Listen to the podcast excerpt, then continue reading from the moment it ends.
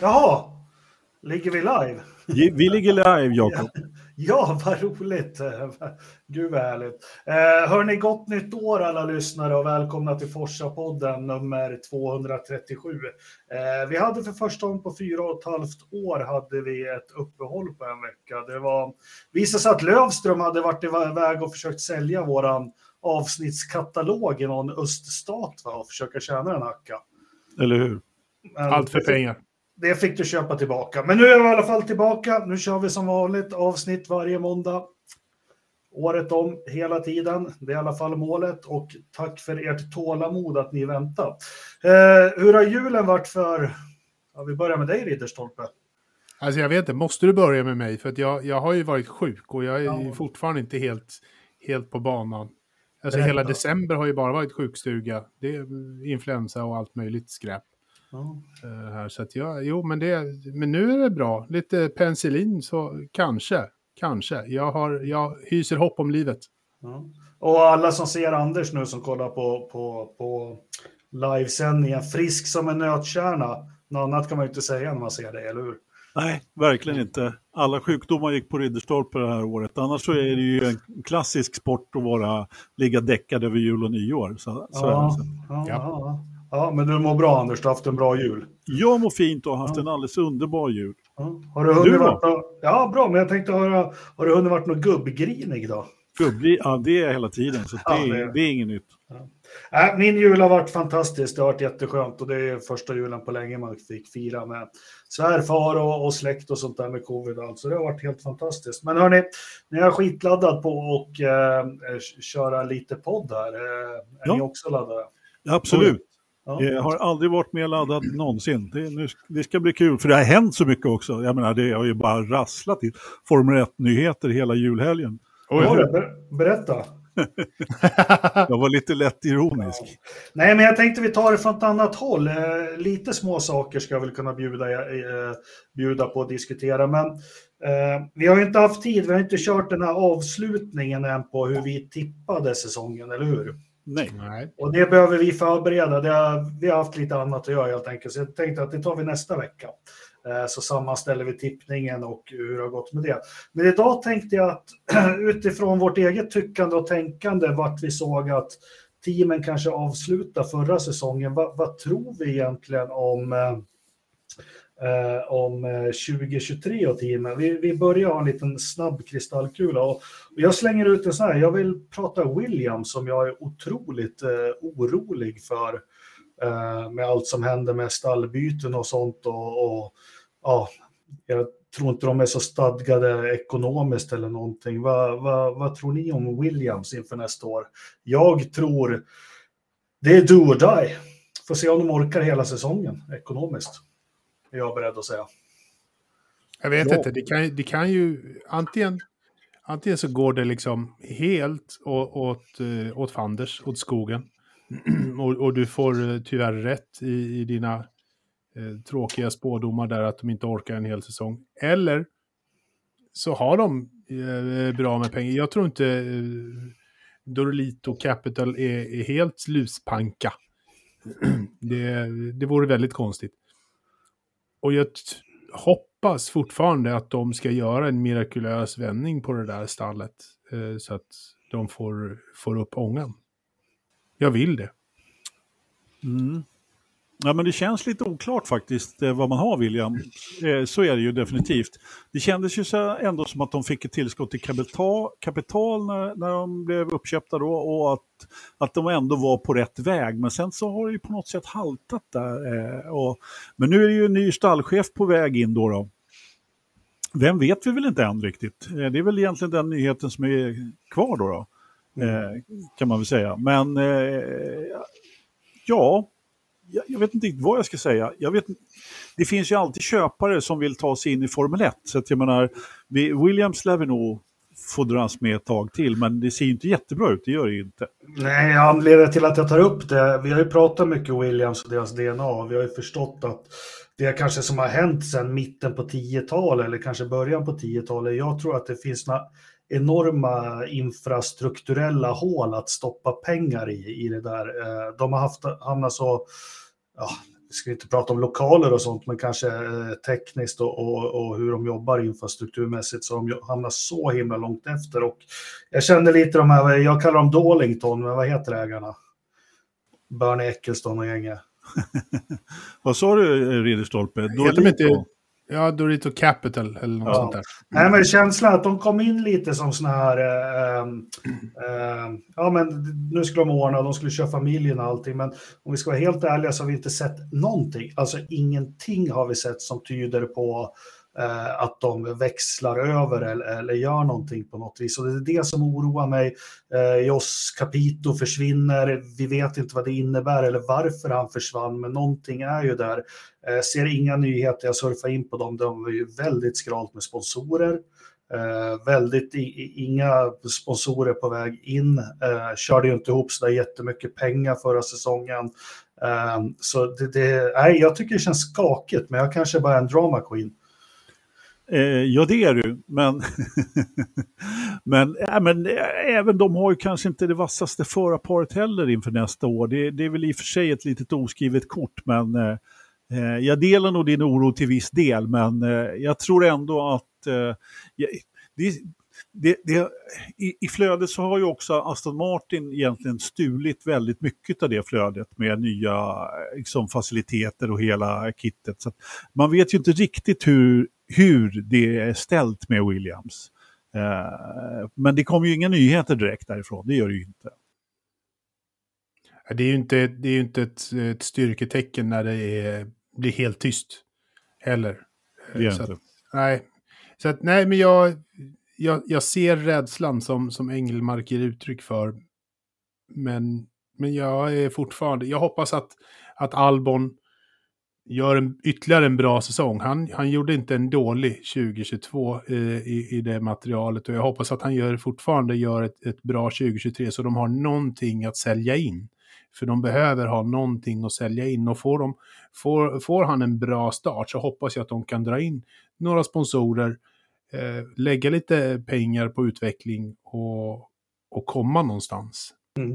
Ja, men det, det, är deras hopp. Eh, eh mm. Det är ju att eh, ja, men när bordet står dukat i början, vi såg ju att eh, Haas eh, rafsade åt sig både köttbullar, rödbetssallad och sillen där, eh, när alla proppmätta inte riktigt satt sig till bord. Så det är ju där jag tycker Williams har missat sedan 2017 är det väl egentligen, de knappt har tagit några poäng alls. Och, det är en, eh, ja men vi som är gamla uvar, vi har ju sett den här trenden på, på stall innan de försvinner förut, alltså att yep vi kommer ihåg Turell till exempel. Vi kommer faktiskt ihåg Jordan också. Att hamnar du där nere och är där för länge så är det, är det hopplöst.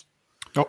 Jo, men eh, man ser inte de här dödsryckningarna som du, som du ser, liksom det här som, eh, som du säger att Haas och för den delen Sauber och Alfa Romeo också har visat mm. lite grann. Och jag menar, Alfa Tauro räknar man kanske inte med riktigt där, men, men eh, där har det ju hänt väldigt mycket i de andra stallen. Williams är det enda som det bara är lite ett sluttande plan. Det, det, mm.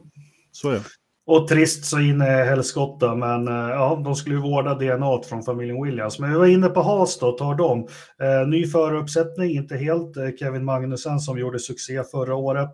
Eh, ihop med Nico Hylkenberg som vi har pratat om, ett ganska tråkigt val. Tittar vi på Tittar vi på Haas vet man inte riktigt mycket om. Alltså det är ett sunt litet team, men man vet inte om de har brist på pengar eller om de har lagom med pengar eller bara är sparsamma. Men Eh, de levde ju väldigt mycket på en bra start och vi, vi såg väl kanske ingen utveckling av, av, bil och sånt, men de var ju duktiga på att maximera. Vad, vad tror vi utifrån det om nästa säsong, Anders?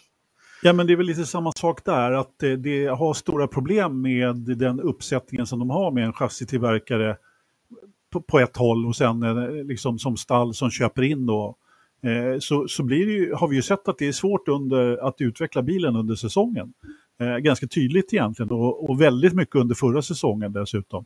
Sen om det var till viss del pengabrist och eh, sen ska man inte glömma bort att de hade ju rätt struligt då när de blev av, egentligen blev av med Mazepin och eh, ryska sponsorn där och hela det kittet då. Men eh, jag tror inte det är in, inte speciellt eh, liksom, eh, dåligt om pengar där. De har ju en ny sponsor också dessutom. Så att, eh, och de gillar nog, liksom de amerikanska ägarna tycker det är kul med amerikanskt stall och, och hela det kittet. Så att, eh, jag skulle säga att deras absoluta svaghet till nästa år då, förutom då uppsättningen med hur stallet ser ut då, och, och svårigheten att kanske eh, utveckla, är ju förarkombinationen definitivt. Eh, jag skulle säga att det är på pappret den absolut svagaste faktiskt.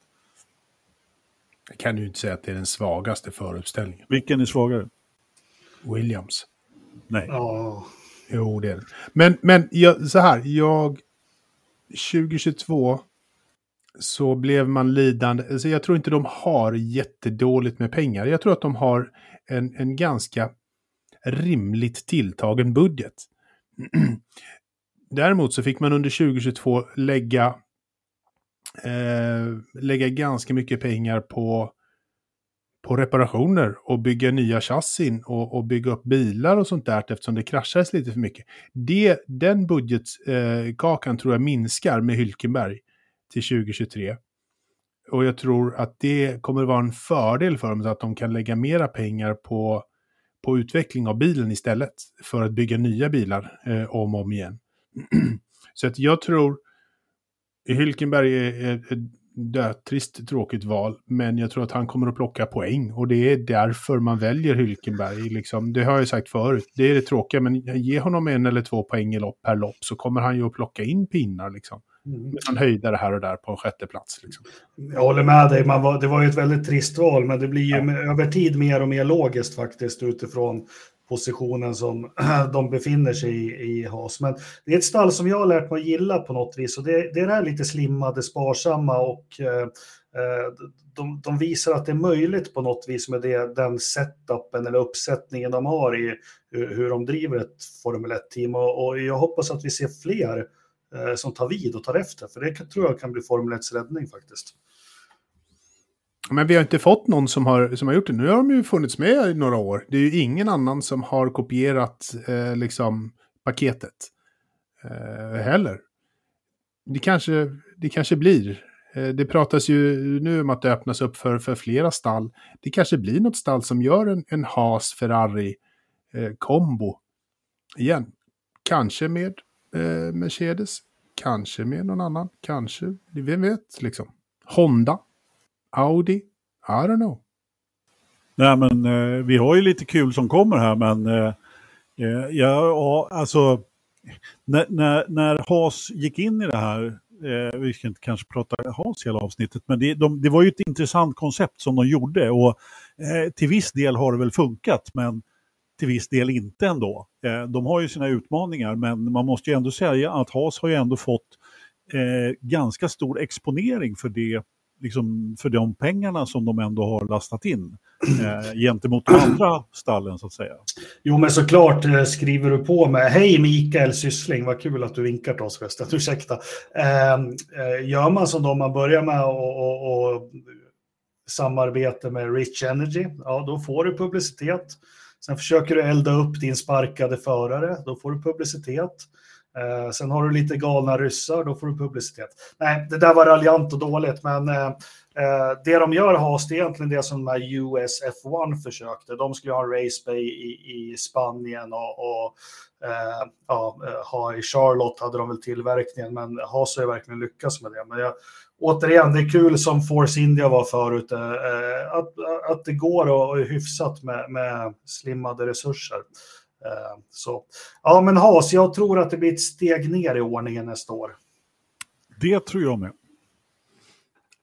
Det tror inte jag. Jag tror att de kommer att plocka poäng eh, lite stadigare än, än tidigare. Och en pole position, och då ska de ta två. Nej, det tror jag inte. nej, nej, nej. Ja, det, om, om Kevin har, har världens flax. Hylkenberg kommer inte ta någon pole position i sitt liv. Men, men, men Kevin, om han, om han har lika mycket flax en gång till så då... Jag vet inte om han någonsin kommer att kunna ha det. Mm. Nej, vi får se. Men vi växlar över lite fort till tråkigaste Formel 1-stallet som finns på denna jord, Alfa Romeo. Eh, ett stall i, ja men det är ju faktiskt otroligt grått och tråkigt och beige och, och, och, nu är det väl ännu värre för de är ju någon slags, slags limbo här innan, innan de blir Audi. Jag vet inte riktigt vad kommer deras säsong gå ut på? Är det bara staffa upp nu så mycket som möjligt inför Audis intåg? Eller eh, vad tror du Ridderstolpe? Vad, hur är deras gameplan inför det? För det är det de går och väntar på faktiskt. Ja, men man kan inte gå och vänta till 2026. Eh, då, om man går och väntar så länge så, så dör man. Man måste jobba framåt eh, hela tiden, för annars så blir det som Williams eh, och, och, du bara stagnerar och faller efter. Och det kommer inte Audi att tillåta. Audi kommer att komma in och göra massor av saker eh, så fort de bara kan. Och, och lära sig och, och, vilja vara med och utveckla och sånt där. Men de kommer inte att sitta stilla, det finns inte. De, de kommer inte att bara hänga och, och inte göra någonting. De kommer att jobba eh, hårt för att utveckla det där.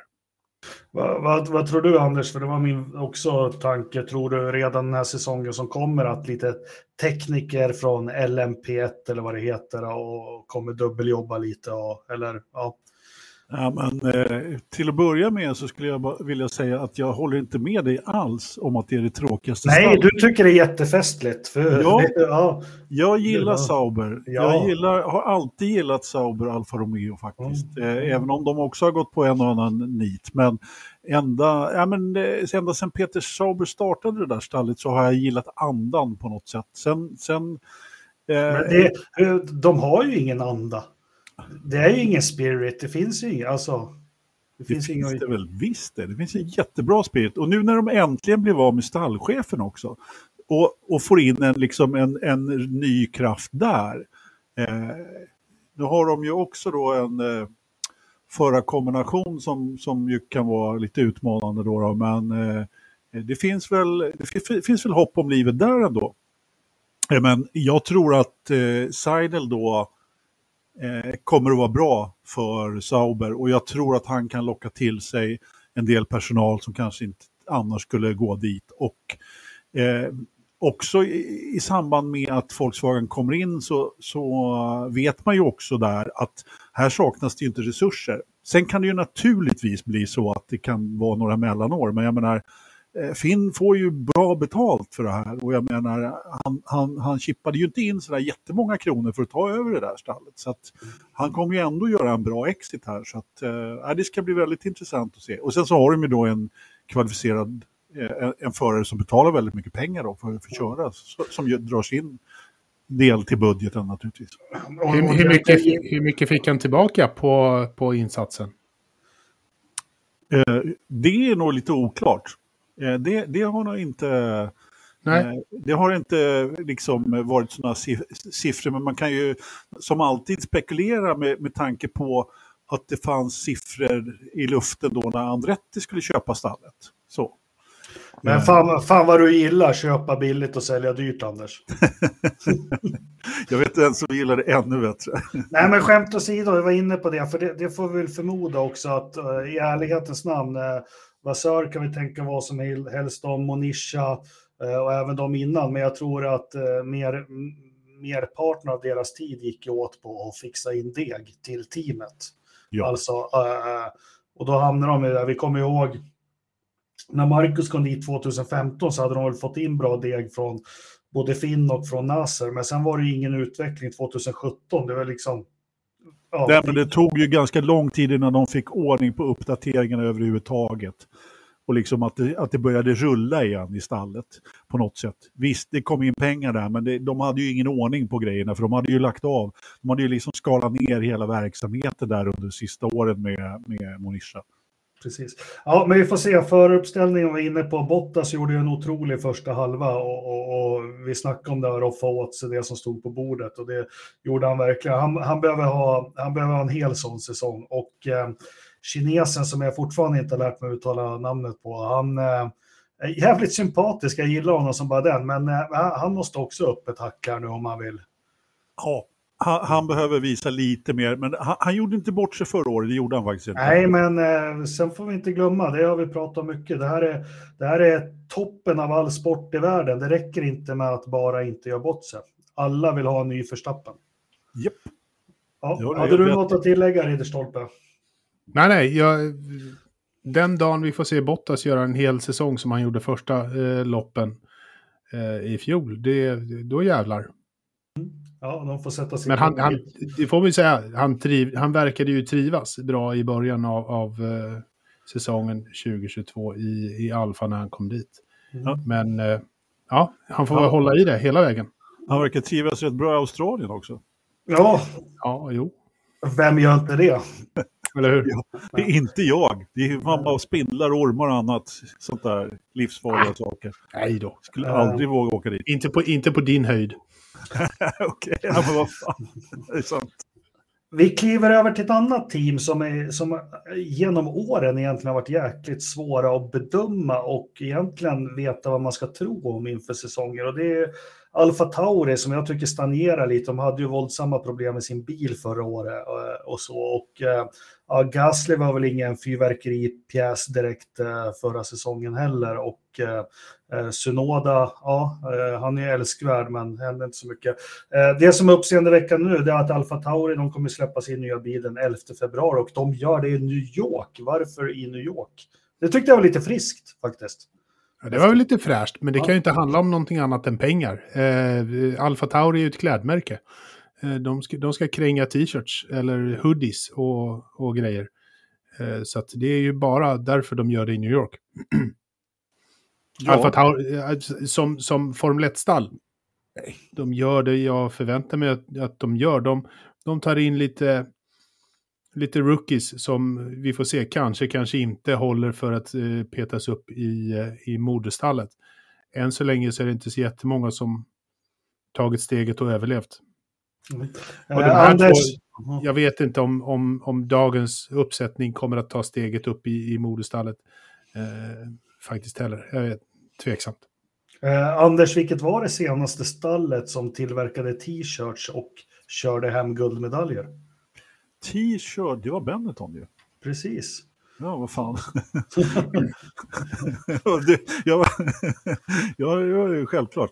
Eh, eh, stickade tröjor från början var det väl med Benetton, men skitsamma. Eh, eh, alltså Alfa Tauri, jag, jag tycker att Alfa Tauri är rätt trista. Eh, på något sätt så hänger det kvar från Minardi-tiden att de ändå är, att jag tycker om dem lite grann eftersom det är liksom det andra italienska stallet eh, baserade i Faenza och ja, hela det kittet. Men det är ju ingenting annat än en fjolårs Red Bull. Och det är klart att det är ett nytt reglemente som det var 2022, ja, då blir det ju svårt att göra en fjolårsbil. Alltså. Så, så är det ju. Så att, eh, det är klart att de eh, led nog en del av det förra, året förra säsongen. Så att, eh, jag skulle ändå tro att de tar ett steg upp.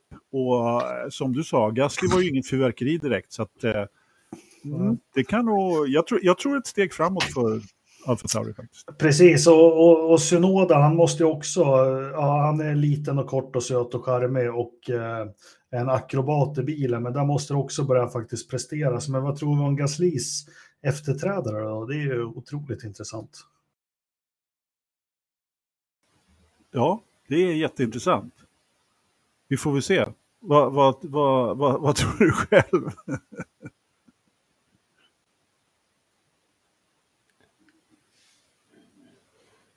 Jag vet ja. inte. Va, liksom, vad, vad, vad, vad, ska man tro? Alltså jag tror ju fortfarande, det här är, är... De gör det de gör, liksom. Det här är ett stall som inte kommer att överleverera, eh, tror jag. Oavsett vilka förare de sätter i bilen, liksom. Det, det, det var Sebastian Vettel som, som vann ett lopp. Eh, ja, Gasly också.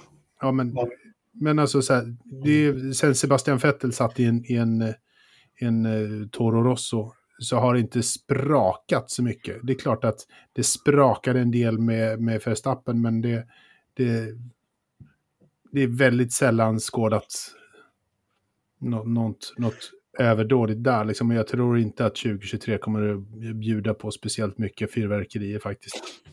Jag var mutad när du bollade tillbaka, Anders. Det var mm. Nick de Vries. Jag, jag, har, jag har jättesvårt att placera honom, vad jag ska...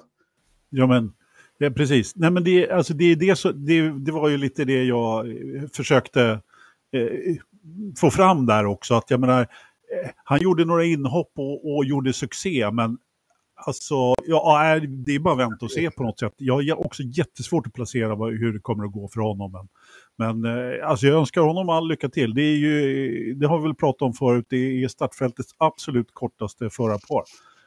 De, är, de klarar knappt en och en halv meters gränsen. ja, ja. Men Anders, du måste sluta se ner, alltså inte, du gör ju det rent oh. fysiskt, men på, på korta personer. Det är, det är inte så jävla lätt att alltid gå och bära med sig en pall vad man än är. Nej, förlåt. Det, det, var inte så jag menar. Jag, jag, jag, kan säga så här, att jag har inga problem med korta personer överhuvudtaget.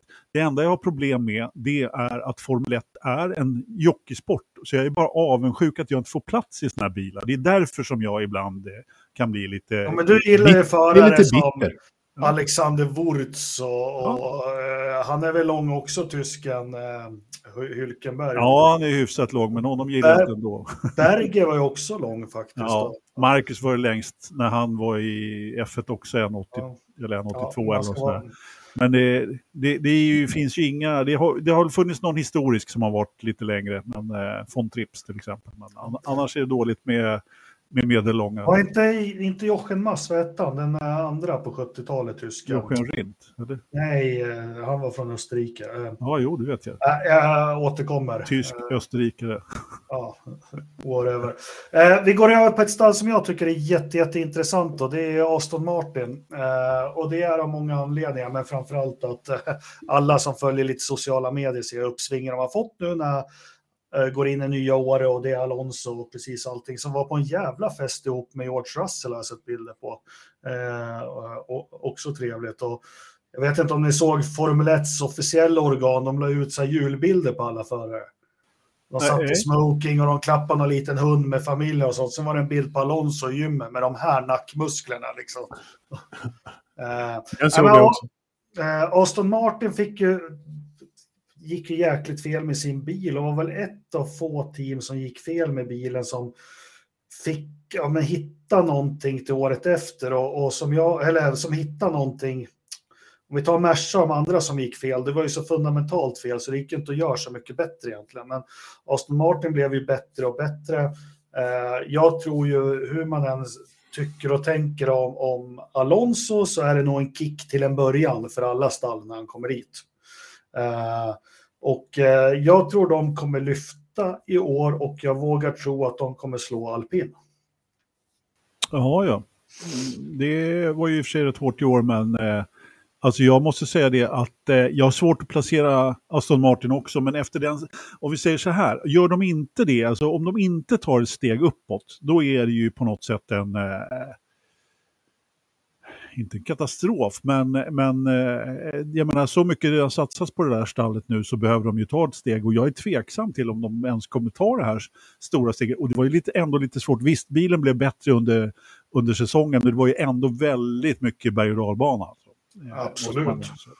Men, men alltså, jag vet inte om jag tycker att det är så spännande, men, men visst, Eh, jag tror att... Eh, Nej, ja, du tycker Alfa Romeo är skitspännande, ja. så det är klart att du inte... Ja, men precis. ja. Nej, men alltså... det, det, är klart att, det är klart att det är intressant vad som kommer att hända med stallet, men det är ju... När Fettel är borta så vet jag inte. Jag tror att eh, eh Russell nu då... Eh, Alonso. Alonso och eh, Mr Strulovic där, de kommer nog Strulovica till det en del, eh, tror jag. Nu kan du jag, ta över Ridderstolpe. Ja, men jag tänker så här, det, det vi ser nu är eh, klassiskt Alonso har bytt stall. Eh, upplägget.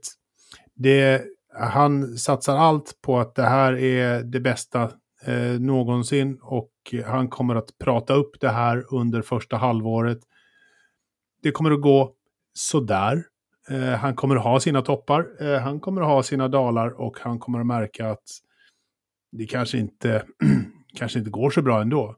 Så andra halvan av säsongen så kommer Alonso att bli lite småsur, kanske lite grinig och kanske köra av sin stallkamrat eh, här eller där. Eh, och de kommer att landa någonstans ungefär där de landar i år. Ungefär, det kommer inte att bli någon eh, så här. Det här är eh, Alonso, när han kommer in i ett stall så är det här liksom så jäkla bra. Jag har aldrig sett något liknande. Det här är så fantastiskt. Och, men det är ju för att han vill pumpa in energin och, och vill få, få det positivt och få det rulla igång ordentligt.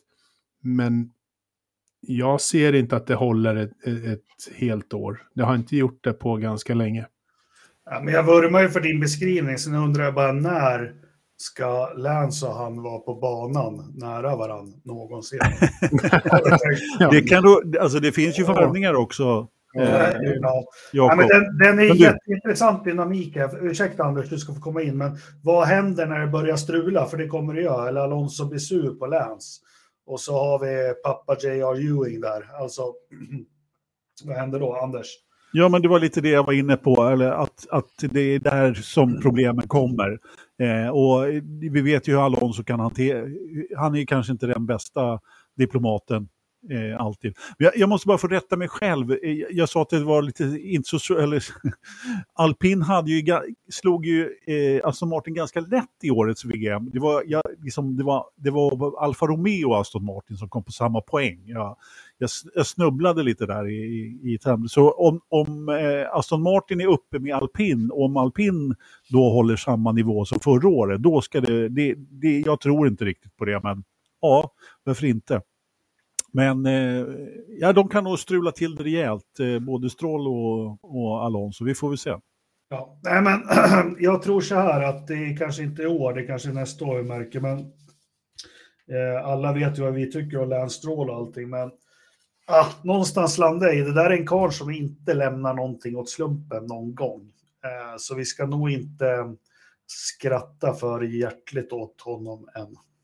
Nej men alltså det är ingen som skrattar här. Jag menar han har ju en satsning som är oerhört seriös och långsiktig och uh, alltihopa. Så jag menar det kan mycket väl gå alldeles utmärkt bra uh, i långa loppet. Så att, uh, med, med, den satsningen som han gör. Jag, jag, personligen skulle ju kanske byta ut båda förarna då. Men, men uh, det, åtminstone ena stolen där lär ju ha, ha en plats ganska länge. Då. Men, det, det, men tänk, alltså det hade ju varit väldigt intressant att göra den här satsningen och inte ha de här blodsbanden som man måste förhålla sig till.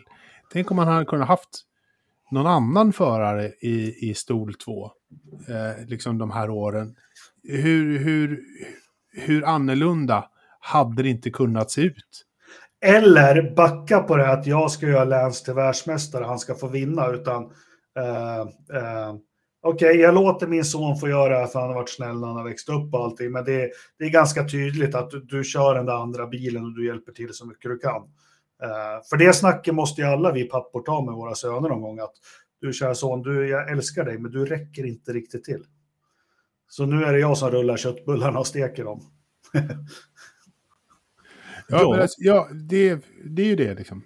Uh, jag, tror inte, jag tror inte Lance är, är, är killen som är van vid att bli mot, är, motsagd och, och, och, få, ett, få ett nej eh, som svar att det här är inte din grej, du får inte göra det här. det, jag, jag, jag, har en, jag känner ju inte de här människorna överhuvudtaget. Eh, men känslan är att han kanske inte riktigt har, har fått så många nej du i sitt liv. Vad säger du Anders? Ja, men så här. Alltså, man måste ju trots allt, om man ska bedöma Lance Stroll lite grann, men det är ingen långsam förare. Eh, han är, jag menar, jag menar, om man tittar på vad han har gjort för någonting så har han ju trots allt haft en del resultat som är ganska bra. Han, jag menar, han är inte den sämsta föraren i fältet skulle jag säga i alla fall. Eh, även om han naturligtvis inte är uppe med de, de riktigt duktiga så att säga. Men han gör ju sina misstag och lite dumdristiga grejer. Och det är ju mest det egentligen som jag vänder mig emot. Jag menar, det, det finns ju, jag menar, det som du säger Jakob, det här är ju liksom de 20 bästa i världen som ska köra. Ja, då behöver du vara på den nivån också. Och han, han, han platsar ju inte riktigt i toppen, det måste man ju ändå säga. Nu får vi se hur det går här mot, eh, mot Alonso. Men Alltså han är inte dålig, han har gjort en del bra regnlopp faktiskt. Det, det får man inte ta ifrån killen. Liksom, att, Nej, men, eh, alltså, tänk så här, om vi, om vi hade kunnat sätta Alex Albon i en, i en Aston Martin istället för Lance Stroll. Ja, ja. ja men det, alltså, det, vi, vi, behöver inte, vi behöver inte gå jättehögt upp på, på listan för liksom så här. Jag tror att Albon skulle mogna som uh, chaufför och, och uh, utvecklas enormt mycket mer. Jag tror att utvecklingskurvan för Lance Stroll, han har kört ganska många år nu. i, i, i den här ja. bilen. Och hans resultat är ganska sällan sedda. Eh, faktiskt. Det är, det är inte jättemycket som kommer. Eh, det är inte flera gånger per säsong som det kommer några stjärnor därifrån. Ja, men jag, jag håller med dig fullt ut, men jag väljer att se det så här att här har vi en aktör som har gett sig fan på att han ska ta matchen mot Ferrari, Red Bull, Mercedes. Han eh, bygger sönder hela jävla Silverstone. Jag vet inte om ni har sett vad han håller på med där. Det, är, och, och, och det, det, här är ingen lek för honom och då kanske vi får ta det onda med det goda. Då. Jag tycker det är för jävligt att... Ja, men eh, vi skulle aldrig fått, vi skulle aldrig fått Lawrence och och investera här om det inte vore för hans son. Då. Men eh, vi, får, eh, ja, eh, vi får se. Jag kommer i alla fall med spänning. Det är väl ett av de teamen jag kommer följa med mest spänning nästa år. Det är faktiskt Aston Martin. Jaha, det är ett stall som jag inte kommer att följa med lika mycket spänning. Men, men jo, det, det är Nej, klart du ska, att du ska, få, du ska få följa Alfa Romeo i Jag ska göra det. Jag, ja, jag ska göra det. Nej, men det kommer ju gnistra om eh, Alonso naturligtvis. Sen om det gnistrar för att han liksom eh, bränner sönder bilar eller kör av eller om, om det gnistrar på ett positivt sätt, det, det, det får vi se. Men eh, det händer ju alltid saker med Alonso i bilen i alla fall. Det gör det. Uh, Alonso är en urkraft uh, som inte sätter bilar i väggen. Och, uh, ja, men som sagt, du kan se din webcam där i Hinville på en, på en vindtunnel som inte ens är öppen. Det, det är action det. Det är, fina grejer. Bra. Ja, ja. Fan vad elak jag mot Anders, men jag ja. tycker ändå... Kör på du, jag kan ta det. Man, man måste man stå för det. Hörni, det stallet som jag har senaste dagarna, det har varit lite semester som man har börjat sätta sig in med, men äh, här kommer jag med en liten utmaning. Äh, McLaren blir säsongens kalkon. Jaha, ja. Vill ni veta varför? Ja, tack. Ja. Äh, de hade ju den här katastrofen med Honda som alla känner till och ni som har följt det, här äh, podden i 250 avsnitt, jag, jag brukar titta på cykler och, och, och, vad som händer med team och det slår fa faktiskt aldrig fel från 70-talet man tittar. Eh, här hade vi ett McLaren som gick över till Honda 2018. Det var inte jättebra, men det var bättre. De byggde vidare på det här 2019 och 2020, ett suveränt år, för att sedan vinna lopp 2021.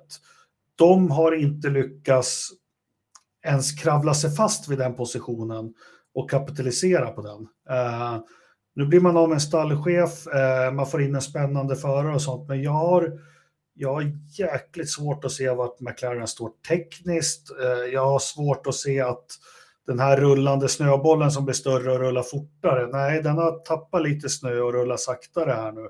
Eh, och jag tror tyvärr den kommer göra det nästa år. Och eh, tyvärr så drabbar det här en av de största talangerna som finns, Landon Norris. Det är min take. Är jag något på spåren eller är jag ute och cyklar? Ja du. Eh, alltså jag eh, skulle väl vilja säga så här att eh, det är samma sak som med Williams där lite grann, att de är lite svårtydda. Eh, och det är som du säger, eh, alltså Seidel lämnar som... Alltså Seidel, det har varit min personliga favorit av stallcheferna i Formel 1 faktiskt. Eh, eh, han, han har varit den som liksom har eh, nej men jag vet inte, jag vet inte ens hur jag ska, hur jag ska uttrycka mig, men ha, ha, jag har gillat honom skarpt. Jag tycker det är han som har fått ordning på McLaren. Eh, någonstans där, eh, även om Zack då har, har gjort sitt eh, såklart. Men de, det är klart att eh, Andreas Stella är nog ingen dålig ersättare, men jag har lite svårt att se att han ska kunna fylla Andreas Seiders sko, skor där faktiskt. Men Piastri ska ju bli fantastiskt kul att se. Men mm frågan Men, är ju om de lyckas med bilen. Det, det är ju där Engmark. Eh, vi kommer till det. Eh, jag bollar över till dig Ridderstolpe. Nu, nu, nu tappar jag direkt. Men klarar Zack att hålla på något vis det vi läser och tror och ser så har han fått ordning på det här efter Eric Bollier och Ron Dennis-åren. Jag har den högsta aktningen för Ron Dennis ska vi sägas.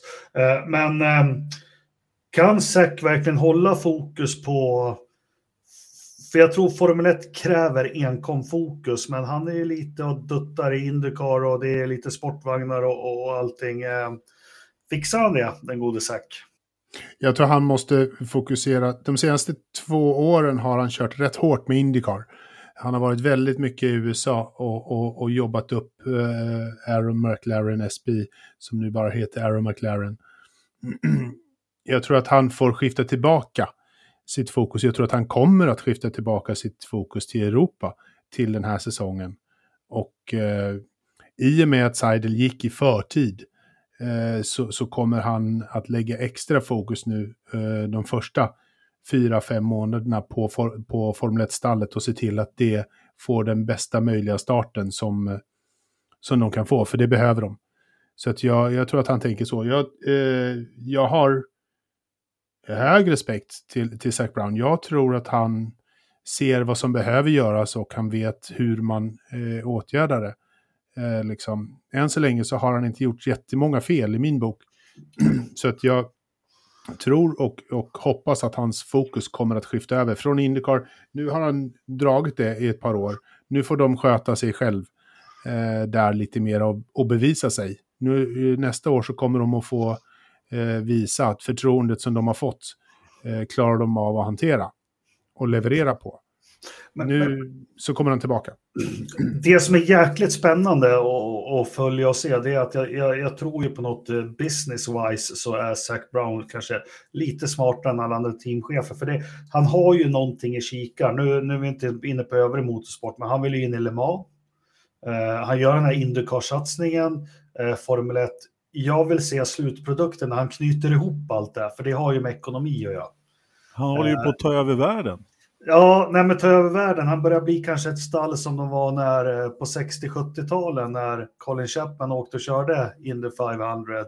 Eh, körde Formel 1 och Formel 2. Så, och, och eh, jag tror inte han drivs av storhetsvansinne. Jag tror han är jävligt eh, affärsmässig och smart. Att han, han ser någonting där vi har ju hela tiden den här Palou-grejen och allting också i bakfickan om vi zoomar ut och ser den för vad det är. Men samtidigt som jag tycker han är svart så, så tror jag Formel 1 kräver så mycket att som stallchef, om du inte delegerar ansvar, så måste du ha 100% fokus på Formel 1. Jo, Annars absolut. Men, men, men eh, det här världsherraväldet är ju också en en otroligt medveten plan. Det är ju för att han ska kunna, han ska kunna locka till sig förare som ges möjligheten att testa någonting annat också.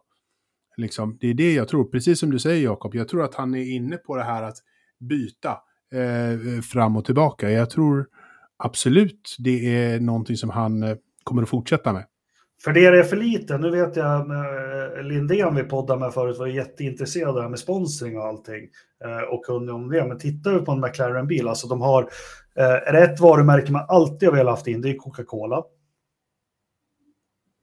Det har han. Han har ju fått in Google, alltså, så, så någonting gör han bra. Men rent sportsligt, jag är nyfiken på australiensaren, men jag tror att McLaren blir den största besvikelsen tyvärr. Jaha, ja. Ja, eh, nej men jag tror nog inte riktigt det.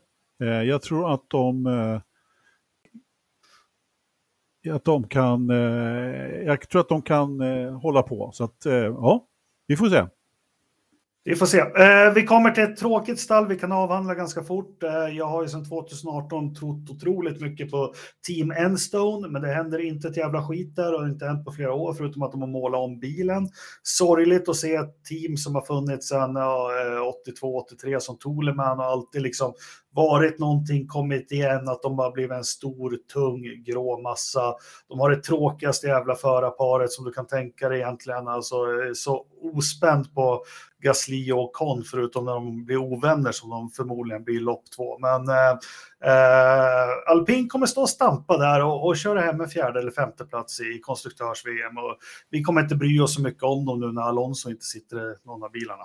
Men Ocon, eller vad säger jag, Gasly, han är ju lite varannan årsförare så att han kanske blixtrar till igen då som han ja, gjorde ja, ja, 21. Vi får väl se. Helt ointresserad av alpin nu för tiden. Ridderstolpe. Jag har nog inte varit intresserad av alpin tidigare heller. Jag vet inte. Nej men så här, femte plats låter, ju, låter väl som, eh, som ett ganska bra resultat för dem. En ganska rimligt plats med tanke på fjolåret eh, så har de ändå en Eh, en, en plats att bygga vidare på. Eh, och, och, det är det som kommer att rädda dem till det här året. Och så får vi väl se hur det blir sen framåt. Jag är svårt att säga hur de där två killarna kommer att, att reda ut det här. Eh, vet inte. Men det får, ju, får vi ju se. Ja. Jag har en sån fråga när vi avslutar, men, men vi skiter i alpin så klumpar vi ihop de tre sista stallen som är eh, Ferrari, eh, Mercedes och Red Bull. Och eh, för att krydda anrättningen lite så har ju eh, Adrian Newey har ju sagt att han tror att de kommer få problem att hänga med Ferrari och eh, eh, Mercedes nästa år. Och, och, då måste jag säga att det är anledningen till det, det är det här med vindtunneltid, eh, budget cap och allting. Och jag satt mig in för dåligt just idag. Ge mig en vecka till och se liksom vad det här innebär. Men eh, Adrian Newey brukar ju inte vara den som går ut och är underdog. Det har han aldrig någonsin gjort. Liksom. Så, så på något vis så, så är det någon slags oro han kanske luftar. Vad säger ni? Nej, jag tror inte... Jag, jag tror att de... jag tror att han sandbaggar eh, hyggligt mycket där, eh, måste jag säga. De, eh, de kommer att ha, ha bra fart på, på sina grejer, det finns ingen tvekan om det. Ja. Familjen, familjen Verstappen accepterar inget annat. Nej, det ska nog rätt mycket till om, eh, om Red Bull ska tappa det försprång de har i år. Däremot kommer nog Mercedes garanterat att krypa närmare. Sen kan ju Ferrari ha hur snabb bil de vill, de kommer ju förstöra det där ändå. Så att, eh, Ja, ja, definitivt. Definitivt. Ja. ja, så att, nej, men jag är inte dugg orolig för eh, Red Bull faktiskt nä, nästa ja. säsong. Jag förstår däremot att Adrian Newey är det, för det är hans jobb på något sätt. Och eh, han känner sig säkert lite jagad, framförallt eftersom Ferrari hade en väldigt bra bil i början och de, var ju, de, var ju, de hade ju en snabbare bilen i princip eh, första delen på säsongen. Och eh, nu när Mercedes börjar få ordning på grejerna så känner han säkert flåset i, i nacken, eh, garanterat. Ja, dessutom så hade Adrian Newey hade ju eh, rekordår förra året. Han slog alla tiders rekord på allting. Så att, att, om han säger att det kommer inte bli lika bra som fjolåret så, är han, så ljuger han kanske inte. Men det behöver inte säga så mycket. Liksom. Eh, man kanske inte behöver vinna varenda lopp. Vi, vi, ska dyka djupare i de här tre stallen sen under våren faktiskt. Eh, och, och jag behöver bli bättre inläst på vad de har. Men eh, eh, vi vet ju att eh, Mercedes ändå är ganska imponerad för de vart ju klara ganska tidigt över säsongen att de hade gått helt fel och det går inte att rädda den här bilen. Eh, och det kan vi fördjupa oss mer med att det var med hjulupphängningar och fjädringsväg och den måste gå högt men det klarar han inte av för då börjar den studsa och inte och hej och hå. Eh, de fick köra jävligt mycket vinge, det var därför de var så eh, långsamma. Men det finns mycket att säga, men de var ganska klara över att vi kan inte få den här bilen att bli en vinnare, men ändå fick de den att bli en vinnare i slutet av säsongen och faktiskt ganska snabbt på många banor trots att de skiftar fokus till 2023. Men de hade ju uh, god hjälp av Ferrari också måste man säga. Absolut, och det kommer vi också till. Men uh, jag hoppas och tror att uh, Mercedes är tillbaka.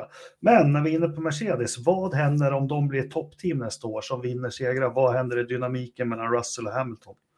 Den det kommer är, göra så jävla ont. Det är en rysare. Mm, verkligen. Uh, nu fick Nej. ju Hamilton lite liksom bett på honom i slutet av säsongen. Vad tror du, Anders? Nej, men jag tror inte att det blir en rysare alls faktiskt. Jag tror att det blir hur långt som helst. Jag, eh, jag tror att de där två kan vara ganska städade. Om, eh, ändå, jag tror, jag tror inte det kommer eh, bli i närheten av lika so stora problem som i andra stall. Eh, faktiskt. Jag tror att de kommer att hålla sig ganska lugna ändå. Däremot mm. så kan jag väl tänka mig att det kan bli rätt jobbigt om Lewis har ett sånt, eh, liksom om han hamnar efter som han gjorde eh, 22. Och, ja, men det, han kunde skydda sig med att det var ett skitår, att han jobbade för någon annan ja, eller någonting förra året. Men, men sen det, han, kom ju, eh, ja, men han kom ju ändå igen ganska hårt som du sa ja, på ja, slutet. Ja, så, men hamnar han efter lika mycket nästa år eh, så, och gör en dålig inledning på säsongen och, och, Russell tar allt, liksom, ja, men då kan jag tänka mig att det kan bli lite väl jobbigt för den gode Lewis. Men annars så, nej, jag tror faktiskt inte att det blir något. Och jag, och jag tror precis tvärtom.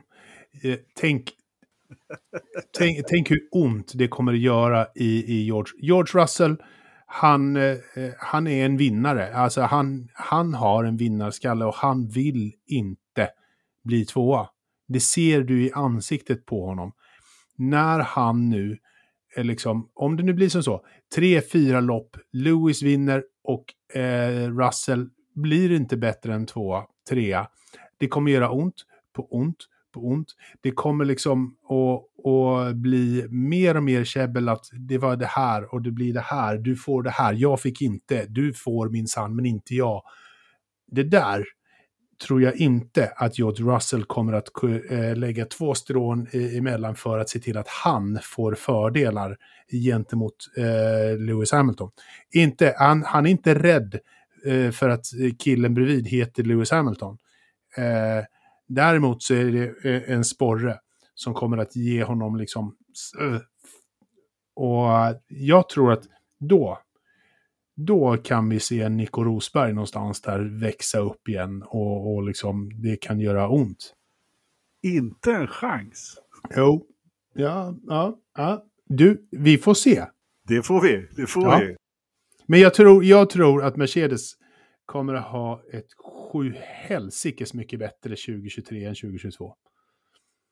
Jag är riktigt sugen på att se vad de kommer uh, ur, i startblocken med. Jag tror att de är klart före Ferrari.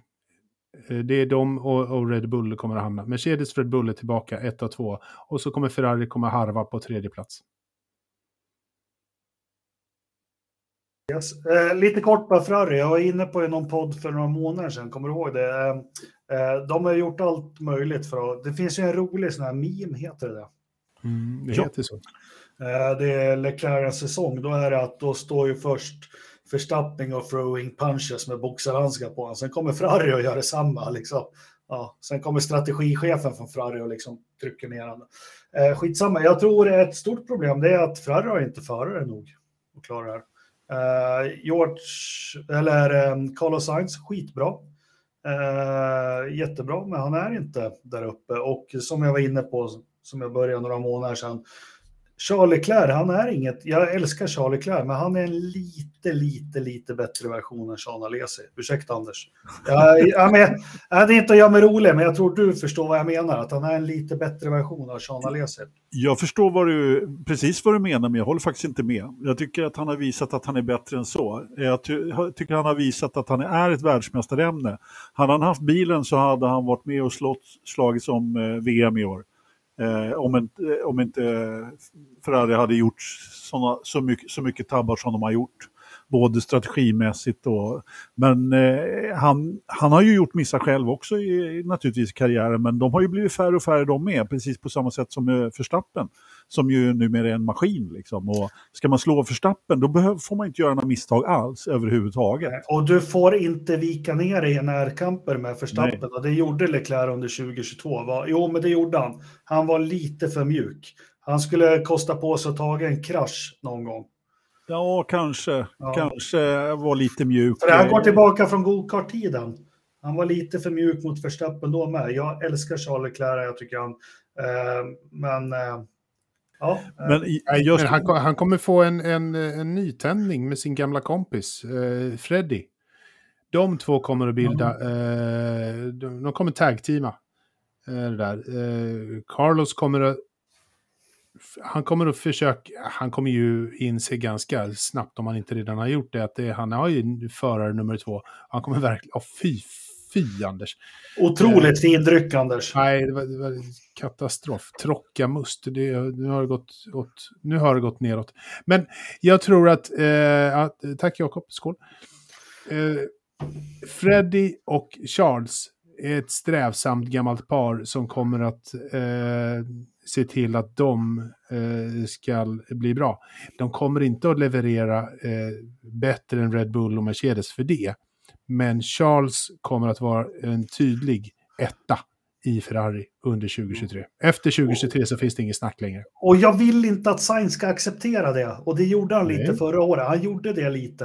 För mm. Sainz är bra. Han var superjämn. Ja, han var superjämn med, ja, superjämn med Verstappen. Men visst kändes det som att han lite accepterade Äh, som Barrichello ja, men... sa, jag är inte andre före, jag är ett B-förare. Ja. Ja, eller hur? Ja, men lite så. Nej, men man kan säga så här att om, eh, om eh, vet du, Charles Leclerc är ju liksom the pinnacle. Han, han är ju ändå ett fint instrument. Det är han som är julmusten kan man säga. Så är ju liksom Carlos Sainz lite trockamust. En liten ja. blandning sådär av, av lite fler. Så, men, på, men har inte riktigt samma spets liksom, på samma sätt. Äh, men sen kanske Charlie Claire har mycket det här latino i sig på något vis och som du är inne på Ridderstolpe och behöver den här ja, men faders trygga mm. hand, alltså eh, för det är ju mycket det också. Hörrni, vi fördjupar oss mer i de här topp tre stallen vad det lider under våren tycker jag, eh, när vi får lite mer information. Jag lovar att läsa på lite om vad var Mercedes problem 2022? Vad var Ferraris problem under eller efter andra halva säsongen av 2022? Eh, jag ska ta reda på det mycket bättre än vad jag gjort nu, men det var kul att titta i en, eh, i en spåkula i alla fall så här i början av året, eller hur? Ja, alltid mycket. roligt. Sen behöver det inte bli så, men ni har en sista sak ni ska titta in i era kulor just nu. Vet du vad det är? Eh, nej, berätta. Ja. Vilka blir de första stallkamraterna att köra ihop? Stroll och eh, ja, eh, han den andra eh, Alonso. gamla gubben där.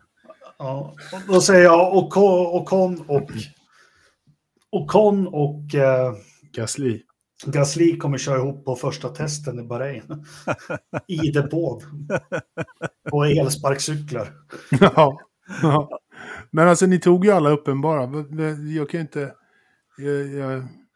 Nej, men alltså så här. Det finns, vi har ju alltid Kevin och Nick Ja, det är sant. Det är sant. Ja, där, bubblare. Där, där, finns det ju faktiskt lite, eh, lite stamtavla att ta på också. Ja. De här grabbarna känner ju varandra och känner på varandra. Fast eh, Kevin har gjort klart att de ska lösa det. Det är en, det är en bättre 69 i, ja. i, i motorhome efteråt. Ja, så. Exakt. Uh, jag vet inte riktigt väl, om tysken tycker att det är en bra idé, men det är rätt tveksamt. Men eh, hörni, kom, alltså, jag, där fick, när du pratade om att köra i, i, i varandra i depån och på sparkcyklar och sådär. Kommer ni ihåg vilket, eh, vad Fettel gjorde det första han gjorde när han satte sin Formel 1-bil överhuvudtaget? Nu har han slutat, men det första han uh, gjorde på en Formel 1-bil överhuvudtaget. Nej, inte det första. Nej. Jag kommer ihåg att han brakade in i Webber på Fuji 2007. Ja, men sin första Formel 1-tävling, första träningen, ut i depån. Eh, USA 2007 måste det ha varit. Körde han för fort? Ja, just det. Ja. I depån. Han, det var det första han gjorde liksom, överhuvudtaget. Vem ersatte Det är ju lite stil. Vad så? Vem han ersatte, det har jag glömt. Varför? Det var Kubicas krasch där. Just det, just det. Just det. Ja, vi får se. Ja, men kul. Vi har lite Formel 1. Det är bara tre stall som har, har satt datum för lanseringar och det är Ferrari, den 16. Eh, Nej, 14 var, var Ferrari. Eh, är det 14? Är det på alla hjärtans dag? Ja. ja. Ja, och de har inte sagt vilket ställe, men förmodligen blir det ju Modena. Ja, ja, precis. Maranello kanske. Ja, vi var inne på att Alfa Tauri kör New York den 11 och Aston Martin Silverstone som på Jordan-tiden. Nej, Jordan, de körde ju Albert Hall ibland och, och grejer. Ja. Jo, men Eddie, kom, kom, Eddie vet liksom. Kommer ni ihåg när lanseringarna var så här storslagna? Ja, det brukar du prata om ibland när de körde ja. Spice Girls och sådär. Ja. Han, han kör Frank... var, varje år så ja. kör vi. Tänk, kommer ni ihåg när? Men Flavio Briatore, han hade ju någon sån här antik Romastad och, och med Alesia och Berger kommer jag ihåg. Men Williams, de var alltid, de bara bort med pressen från bilen på Silverstone och bara rulla ut den så fick folk ta kort. Ja, ja. Eh, eh testdagarna, det kommer ju där helgen efter lanseringarna. Det är inte helt spikat på Bahrain. Vi ber att få återkomma om det. Eh, vi påminner om vi har fortfarande for, eh, forsamerch.se. Köp en t-shirt eller en succé. Den här, eh, eh, har du satt på den på din bil, Anders? Listen. Du, du tänker på listen? Jag har ja. satt på den på alla mina fyra bilar. Ja, och jag har ju faktiskt personligt levererat flera stycken. Nu vill vi ha in bilder på Facebook-sidan på, på era bilar med listen på. Uh, Ridderstolpe, han sålde sin bil. Han ja. hade köpt en list. Det, ja, men det också. ja, det, var, det, var, det var väl fokus det också, på ett, ja. fast på ett annat sätt. Han smyger runt där runt stationen och trycker på listor på taxibilar tror jag. Lite här och där. Ja, ja. Uh, uh, Indycar, jag har uh, hittar ingenting nytt. Uh, och han sliter, vad heter vår vän på racer.com, uh, Marshall Pruitt. Pruitt ja. Men det är mycket krönikor och sånt, men det, det, står ganska still. Men vi ska försöka djupdyka i det också framöver och, och framförallt titta till hur, vad händer i svenskarnas team här med får de ha kvar sina mekaniker och uppsättningar och vad händer. Men vi ber att få återkomma om det. Eh, jag tänkte lite över i motorsport. Eh, Linus, jag vet inte om jag har tagit upp det i podden, men Linus har gått ut med någon form av pressmeddelande att de jobbar på som fan. Men det ja, kändes inte så här jättekul att, att läsa det. Nej, Nej, men det är precis. Eh, alltså, eh, inga nyheter är bra eh, nyheter brukar man säga, men i det här fallet så skulle man ju definitivt vilja ha någon form av nyhet, för det hörs ju ingenting därifrån. Och det, det, det jobbas på någon form av styrning, men vad? Nej, det låter inget bra tyvärr alltså. Det gör ju inte det. Nå någonting, alltså så här, Honda har ju fortfarande eh, ett gott öga till Linus, det ska vi ändå komma ihåg. Så att, eh, jag blir glad, men inte jätteförvånad om han får några lopp i Indycar nästa år. inte en hel säsong, eh, men något lopp skulle jag nog kunna tänka mig att han får. Eh, på något sätt. Jag tror att det är det man jobbar för. Men sen kommer hans fokus ligga mer i, i Japan under 2023. Det är väl ändå det, det rimliga eh, i det hela, att han, han får köra superformula. Men det är precis som du säger och det är det som är det fina med Indycar, att du kan få ett inhopp, ett, två eller tre mm. eller fyra lopp. Och jag hoppas på det och hoppas han presterar det. Eh, ja. rally, rallybåten, Anders, börjar du räkna ner nu inför? Ja, det ska bli jättekul. Eh, det börjar ju dra ihop sig lite grann faktiskt. Ja. Och det börjar komma lite nyheter i media om, eh, om svenska rallyt och lite sånt där. Så att, det, det ska bli fantastiskt roligt att åka, ja. åka Finlandsfärja till Umeå. När sticker du då? Eh, strax före eh, rallyt börjar. Jag kommer inte ihåg vilket datum det är nu. Om det, är, det är på torsdag i alla fall, eh, rallyhelgen där. Ja, eh, sen har vi Race of Champions att se fram emot uppe i Piteå igen va? Mm. När, när körde de det nu då? Eh, de körde det på våren, i början av året. Anders, när kör ja. Race of Champions? De kör den 28 och 29 januari. Ja, det är inte jättelångt bort. Nej, de körde ju alltid, förr i tiden så körde de alltid i samband med nyår, eh, sådär, mellandagarna till och med. Men, eh, det är efter Mick Schumacher, Sebastian Vettel, Valtteri Bottas, Jamie Chadwick, David Coulthard, eh, Drugovic är med, Häkkinen är där och kör, Kristensen, Kristoffersson, alltså Ja, Felix gör ju debut också. Vi har Oliver Solberg och Petter Solberg. Alltså det här är ju helt jävla otroligt. Ska vi köpa sändningsrättigheterna, Anders? Ja, tycker ja, jag. Det har vi redan gjort. Ja, bra. Då är det ordnat. Eh, ja. Vi var inne på rallybåten och då kan vi säga att den stora Carlos Sainz, senior, matadoren, han eh, dammar på som bara den i öknen och kör bra i Dakar. Anders, du brukar följa Dakar. Ja, jag har tyvärr inte sett jättemycket Dakar än. Eh, det har i för sig inte, det har ju bara gått två sträckor om prolog än så länge. Men tyvärr så är det väl så att eh, eh, Mattias Ekström där som, som eh, körde hem prologen, han har, alltså han är inte jättelångt efter men han har ändå tappat, vad var det, 37 minuter eller något sånt där. Eh, och ligger en bit ner i, eh, i fältet eh, än så länge. Det går att köra i kapp men alltså man ska helst inte vara riktigt så där långt efter i början. Men det, det, det kommer hända mycket i det där rallyt. Eh, alltså, Sainz är ju jag, främst jagad av eh, fjolårsvinnaren Nasser al i Toyota. Där, men Audi har ju en riktigt fin uppställning där med eh, Carlos Sainz, Mattias Ekström och sen då 14-faldige Dakar-segraren Stefan Petter Hansel. Då. Men ja, han har ju redan tappat ganska mycket han också faktiskt. Och eh, ytterligare en som har tappat rätt mycket är Sebastian Löb som kör någon, någon egen prototyp som de kallar för Bahrain. Men Valde, Valdegård fick ingen styrning i år eller? Eh, nej, han, eh, han är död. Just det. Så var det med det. Ja, ja vi så har vi ju en svensk deltagande till, och Anisel då, som kör i Just den här eh, Yamaha. Det är inga bilar tycker jag egentligen, men det är någon slags, eh, liksom sån här, kod, ingen kod heller, det är en prototyp rörramsrackare liksom med någon slags, eh, ja, jag kallar det för motorcykelmotor, men ja, och som kör i den, den lätta klassen. Ja. ja, men vad fan, vi nöjer oss där och återigen, vi tackar våra patrons. Eh, Eh, prenumerera på YouTube-kanalen, eh, köp merch. Eh, ja, eh, gör vad ni vill, fortsätt lyssna på oss. Det är jättehärligt, det är så jävla kul att vara igång. Eh, vi hade abstinens efter den här veckans semester och, och nu jävlar, nu kör vi som bara den. Men eh, veckans förstappen, nu när jag berömt alla. Ska jag börja då? Gör, Ja. kör. Ja, eh, bakfyllor, de blir värre med åren. Det tycker jag är, det tycker jag är skittråkigt.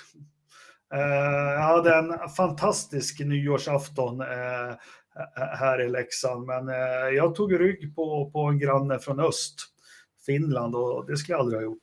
Nej, det kan bli jobbigt. Man får, det- måste köra sin egen takt, Jakob. Ja, så det har varit fosterställning och svettningar tills för några timmar sedan. Ja, herregud. Ja, det är inte lätt. Det är absolut inte lätt. Nej, men eh, alltså det, det, det har inte hänt jättemycket då i, i eh, motorsportvärlden den här, de här två veckorna. Så jag tar en för lång och trogen tjänst som jag förmodligen har tagit förut. Eh, eftersom jag gärna vill ta någon i motorsportvärlden så kan väl eh, Gene Haas få den eh, för att han valde Hulkenberg idag igen.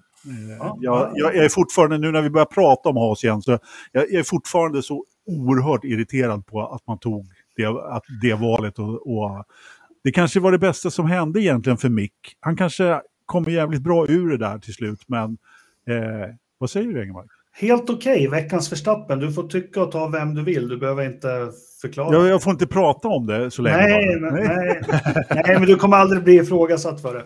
Eh, Ridder. Ridderstolpe då, förutom att urinet luktar illa när man äter KV-penin, vad, vad har varit dåligt i ditt liv senaste veckorna? Jag tycker att så här års så, så ska jag faktiskt ge eh, veckans Verstappen till vädergudarna. Bara för att så maken till tråkväder Stockholm har haft de här senaste dagarna med grått och regn och ett par plusgrader för att det inte ska bli... Jag vill ha eh, jul och, och nyår och januari ska vara vitt och, och, och minus åtta.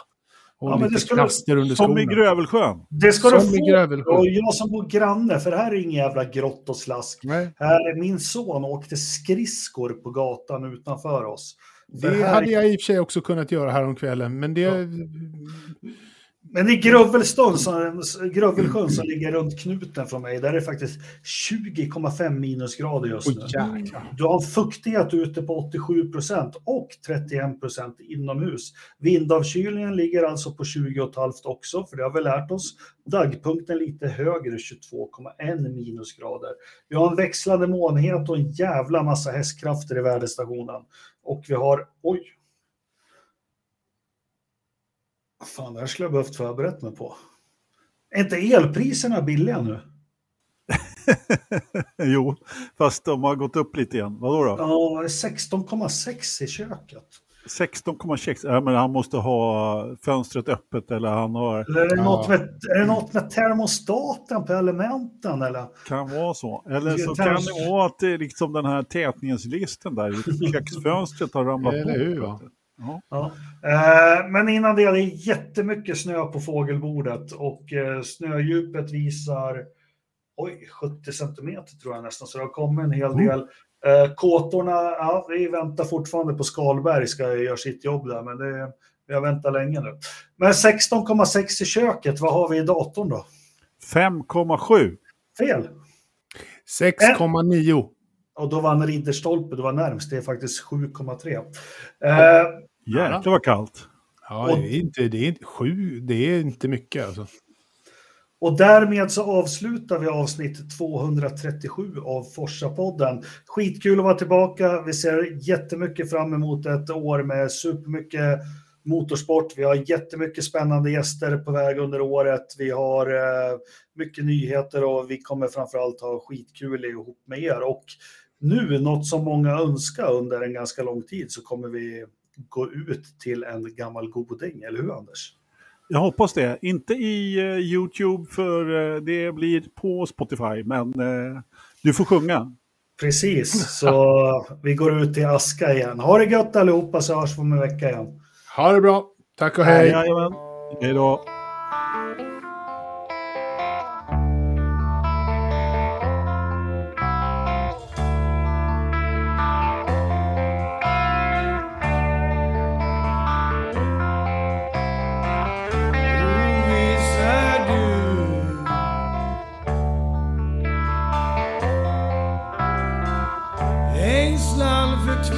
now.